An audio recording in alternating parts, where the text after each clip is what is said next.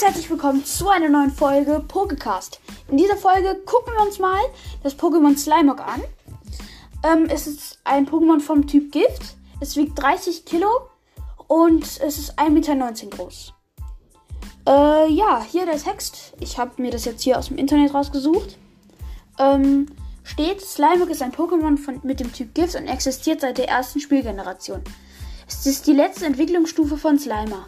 Seit der siebten Spielgeneration besitzt es auch noch eine Regionalform namens Alola Sli Slimeock, in der es die Typen Gift und Unlicht annimmt.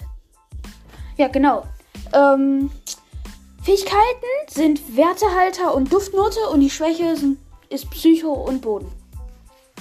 Ja, äh, schreibt mir auf jeden Fall mal, wie ihr das Pokémon findet. Ich feiere es jetzt persönlich nicht so, aber wir haben es sozusagen mit einem ja, mit einem Zufallsgenerator jetzt ausgelost.